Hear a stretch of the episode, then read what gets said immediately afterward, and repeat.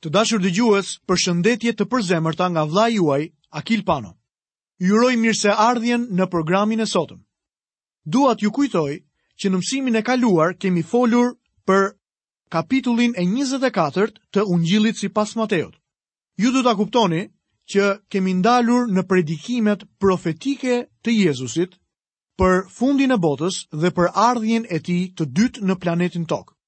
Të dashur dëgjues, sot do të vazhdojmë të flasim për kapitullin e 24 të Ungjillit sipas Mateut dhe mësimin e sotëm do ta fillojmë nga vargjet 40. Atëherë pa vonuar, le të fillojmë menjëherë të lexojmë vargun 40 dhe 41 të kapitullit 24 të Ungjillit sipas Mateut. Atëherë dy do të jenë në arë, një do të merret dhe tjetri do të lihet. Dy gra do të bluajnë në mulli, një do të merret dhe tjetra do të lihet. Dikush mund të thotë, ju sapo e keni futur veten tuaj në telashe. Thatë se për kishën dhe rrëmbimin nuk flitej në diskutimin e malit të ullinjve, por ja ku na jepet një pamje. Dy do të jenë në një arë, njëri do të merret dhe tjetri do të lihet. Miku im, Jezusi ende nuk po flet për rrëmbimin. Për çfarë po flet Zoti ynë këtu? Por ashtu siç qenë në ditët e Noeut. Kush u fshi nga faqja e dheut në ditët e Noeut? Dhe nuk kuptuan asgjë derisa që erdi përmbytja dhe i fshiu të gjithë. Ata humbën në përmbytje. Kjo nuk i referohet rrëmbimit, kur kisha do të nxirret jashtë botës. Por më saktë, kjo përshkruan largimin nga toka me anë të gjykimit të atyre njerëzve që nuk do të hyjnë në mbretërimin mijëvjeçar. Lexojmë vargun e 42. Rrini zgjuar pra, sepse nuk e dini në cilën orë do të vijë Zoti juaj. Rrini zgjuar është fjala kyçe. dhe ka një kuptim pak më ndryshe nga qëndrimi zgjuar në pritje të rrëmbimit. Sot ne kemi një shpresë ngushëlluese. Në të ardhmen do të jetë pritje me frikë dhe ankth. Në mbrëmje ata do të thonë, ah sikur të ishte mëngjes, dhe në mëngjes, ah sikur të ishte mbrëmje. Sot ne po presim ardhjen e tij. Në ditët e ardhme, ata do të qëndrojnë zgjuar në ankth për rikthimin e tij. Ndoshta ju mendoni që jam një vëzhgues hollësish, por në fakt nuk jam. Kam kërkuar fjalën greke për rri zgjuar dhe zbulova se kishte rreth 8 kuptime të ndryshme. Në anglisht ekziston vetëm një fjalë që ka disa kuptime të ndryshme. Më lejoni që ta ilustroj këtë. Një njeri shkon për gjueti drerësh. Çdo vit ky burrë shkon në pyll përafërsisht tek i njëjti vend. Ngre kampin atje dhe herët në mëngjes shkon sipër një kodre, ulet në trungun e një peme të vjetër dhe pret. Pas një farë kohe dëgjon një zhurmë në gëmushë dhe mendon se ndoshta duhet të jetë një dre. Ngre pushkën lart dhe po pret. Ai pret për drerin. Dy javë më vonë takon të njëjtin person në rrugën kryesore të qytetit dhe vë re që ai sheh i përqendruar poshtë rrugës. Ti e kupton se ai po pret dikë. I afrohesh dhe i thua: "Kë je duke pritur?" Dhe ai përgjigjet: "Po pres gruan time, ajo është 45 minuta me vonesë." Ai përsëri po pret, por në këtë rast në një mënyrë tjetër. Më parë në kodër ai kishte një pushkë me vete kurse tani jo. Siç mund ta shihni, këtu kemi të bëjmë me pritje të ndryshme. Një ose dy muaj më vonë, ti shkon në spital dhe shikon në një dhomë përsëri të njëjtin burrë me gruan e tij të ulur në anë të krevatit të një fëmije të vogël. Fëmija digjet nga ethet, temperatura dhe doktorët u kanë thënë se kriza do të fillojë aty nga mesnata. Ata po presin. Miku im, kjo është një pritje tjetër. e ndryshme nga pritja e drerit apo ajo e gruas në rrugë. Kjo është pritje me ankth. Dhe unë mendoj se do të jetë një ndjenjë e tillë kur ata do të presin ardhjen e dytë të Zotit tonë. Le të lexojmë vargun 43 deri tek vargu i 45. Por dijeni këtë, se ta dinte i zoti i shtëpisë në çfarë ore të natës do të vijë vjedhësi, do të rrinte zgjuar dhe nuk do të lejonte t'i shpërthehej shtëpia. Prandaj edhe ju jini gati, sepse biri i njeriut do të vijë në atë orë kur ju nuk e mendoni. Cili është pra ai shërbëtor besnik dhe i mençur, që zotëria e tij e caktoi përmbi shtëpiarët e vet për t'u dhënë atyre ushqimin në kohën e duhur. Në pjesën e mbetur të diskutimit në malin e ullinjve, Zoti ynë ilustron sjelljen e njerëzve në lidhje me ardhjen e tij dhe se çfarë do të ndodhë kur vetë ai do të vijë. Tani do të lexojmë nga vargjet 46 deri në vargun 51. Lum ai shërbëtor që kur të kthehet zotëria e tij e gjen duke bërë kështu. Në të vërtetë po ju them se ai do t'ia besojë administrimin e gjithë pasurisë së vet. Por në qoftë se ky shërbëtor i mbrapshtë thotë në zemër të vet, zotëria im vonon të vijë dhe fillon të rrahë shokët e vet dhe të hajë e të pijë me pijanecët. Zotëria e këtij shërbëtori do të vijë në atë ditë kur ai nuk e pret dhe në atë orë kur ai nuk e di. Do ta ndëshkojë rëndë dhe do t'i rezervojë fatin e hipokritëve. Atje do të jetë e qara dhe kërcëllimi i dhëmbëve. Të dashur dëgjues, kjo shëmbëlltyrë pasqyron sjelljen e disa njerëzve në ditët e ardhshme. Ata do të thonë, Zoti do të vonojë ardhjen e tij dhe unë do të vazhdoj të jetoj në mënyrë të shkujdesur. Kur Krishti të kthehet, do ta gjykojë këtë njeri. Ky është një princip i madh që mund të zbatohet në çdo moshë. Unë dhe ti duhet ta jetojmë jetën tonë nën dritën e këtij fakti, të qëndruarit në prezencën e Krishtit. Vini re se unë nuk thashë në dritën e ardhjes së Krishtit, por në dritën e prezencës së tij. Pavarësisht se Krishti vjen pas 100 apo 1000 vjetësh, ne do të qëndrojmë në prezencën e tij. Nëse je i shpëtuar apo i humbur, ti do të qëndrosh në prezencën e tij. Nëse je i shpëtuar, ti duhet t'i japësh atij llogari për jetën tënde, për të parë nëse do të marrësh një shpërblim. Nëse je i humbur, do të qëndrosh atje për t'u gjykuar. Për këtë arsye çdo person duhet ta jetojë jetën e tij nën dritën e faktit se një ditë do të qëndrojë në prezencën e Zotit. Kjo është ajo që nënvizohet tek predikimi në malin e ullinjve. Megjithëse interpretimi është specifik për njerëzit, që do të jetojnë në kohën e kthimit të Krishtit si mbret, ai është i zbatueshëm edhe për ne. Këtu kemi përfunduar studimin e kapitullit të 24 të Ungjillit sipas Mateut dhe tani do të vazhdojmë menjëherë me kapitullin e 25. Të dashur dëgjues, tema e kapitullit të 25 është Jezusi vazhdon predikimin e tij, i cili i referohet gjithmonë predikimit në malin e Ullinjve, Shëmbëlltyra e dhjetë virgjëreshave rrëfehet në këtë kapitull, talentat dhe gjykimi i kombeve pagane. Ky kapitull shtjellon më gjerësisht përgjigjen e Jezusit për pyetjen: Cila do të jetë shenja e ardhjes tënde? Shëmbëlltyra e 10 virgjëreshave analizon vërtetësinë e besimit të Izraelit. Shëmbëlltyra e talentave analizon besnikërinë e shërbëtorëve të tij dhe gjykimi i kombeve pagane analizon të drejtën e tyre për t'u pranuar në mbretërinë e Perëndisë. Ky kapitull tregon rëndësinë e ardhjes së Krishtit në lidhje me këto grupe që do të jenë atëherë në botë. Një analizë e thellë e secilit grup do të na zbulojë sjelljen dhe marrëdhënien e tyre me Jezu Krishtin. Shëmbëlltyra e dhjetë virgjëreshave është bazë për ata që besojnë në atë çfarë njihet si rrëmbimi i pjesshëm. Në këtë rrëmbim do të merren vetëm disa njerëz nga bota. Grupi i njerëzve të rrëmbimit të pjesshëm do të përbëhet nga persona të shkëlqyer. Kur u bëra pastor për herë të parë në Nashville, të Tenesisë, aty ishte një shkollë e mrekullueshme biblike e cila më përkrahu për të hyrë në konferencat e Biblës në Nashville. Që në fillimet e kësaj shkolle, aty jepte mësim një mësues i cili besonte në rrëmbimin e pjesshëm. Sinqerisht, unë mendoja se teoria e rrëmbimit të pjesshëm i shërbente snobizmit shpirtëror. Kurrë gjatë gjithë jetës sime, nuk kam takuar dikë që mund ta klasifikonte veten e tij në grupin e pesë virgjëreshave budallaqe. Të gjithë e klasifikonim veten në grupin e pesë virgjëreshave të mençura.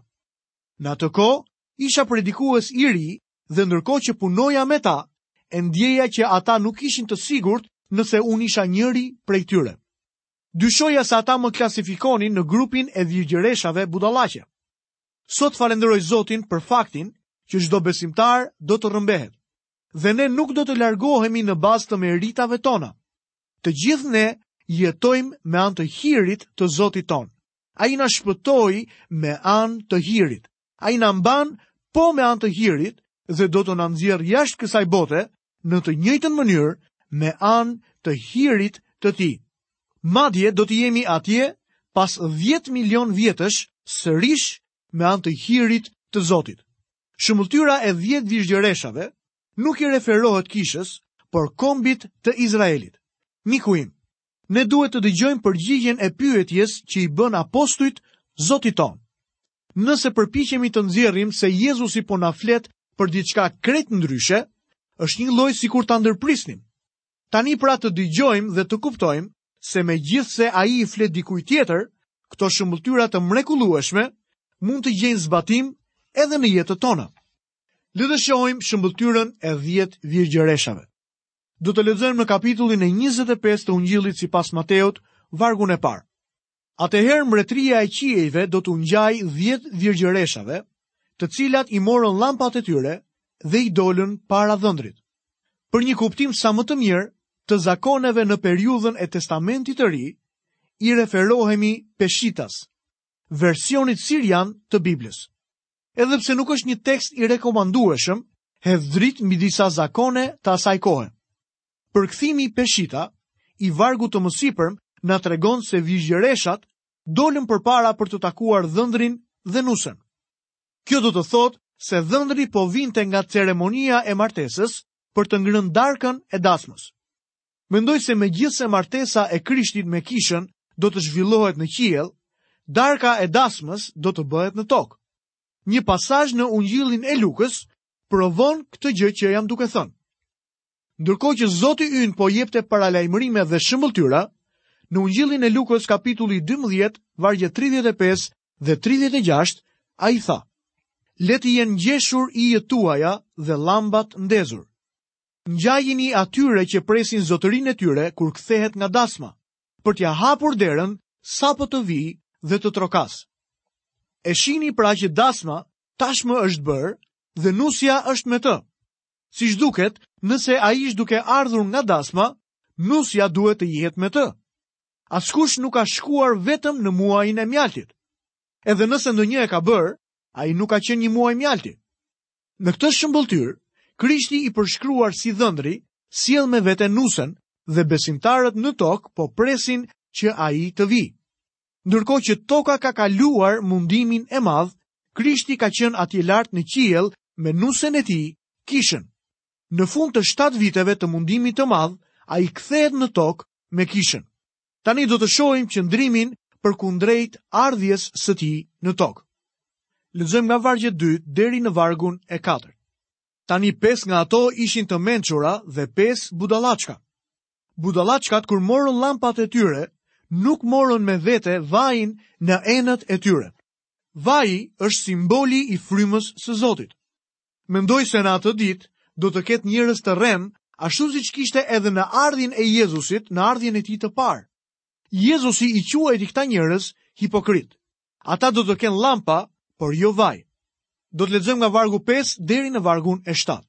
Tani duke qenë se dhëndri po vononte, dremitën të gjitha dhe i zuri gjumi. Aty nga mesnata u dëgjua një britmë. Ja, po vjen dhëndri, i dilni përpara. Atëherë të gjitha ato virgjëreshat u zgjuan dhe pregatitën llampat e tyre. Vini re se të dy grupet e virgjëreshave i zuri gjumi.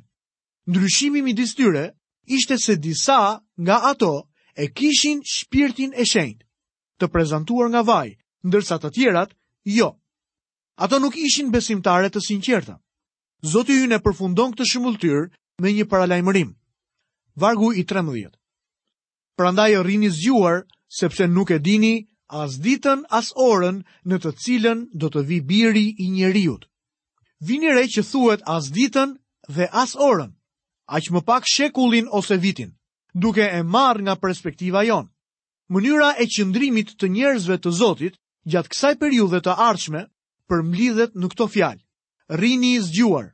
Kjo është gjëja më e rëndësishme që ata duhet të bëjnë. Le të shohim shëmbëlltyrën e talentave. Kjo është një shëmbëlltyrë tjetër për atë brez të ardhshëm që do të presë kthimin e Zotit në tokë.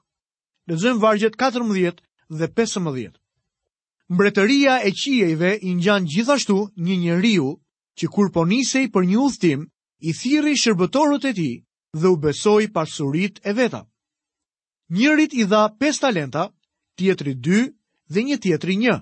secilit sipas zotësisë së tij dhe u nis fill. Vini re se zotëria u dha përgjegjësi shërbëtorëve të tij sipas aftësive të tyre individuale. Le të lexojmë vargjet 16 dhe 17. Tani ai që kishte marrë të pesë talentat, shkoi dhe bëri tregti me to dhe fitoi pesë të tjerë.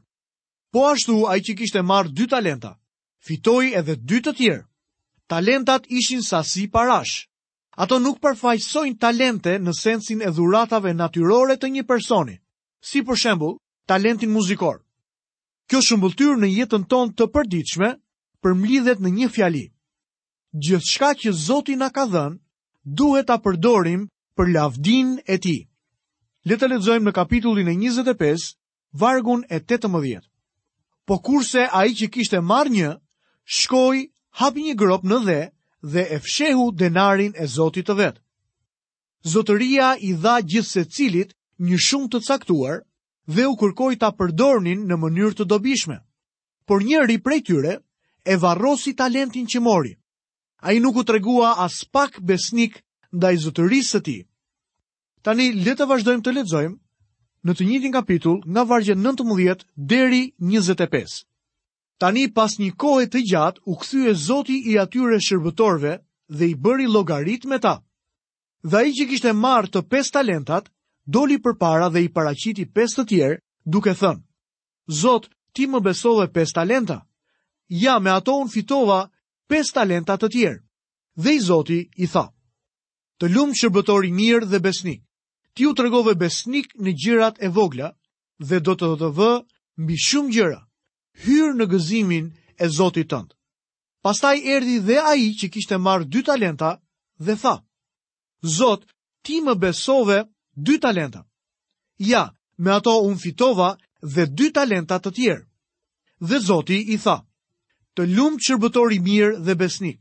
Ti u tregove besnik në gjëra të vogla, unë do të vë mbi shumë gjëra.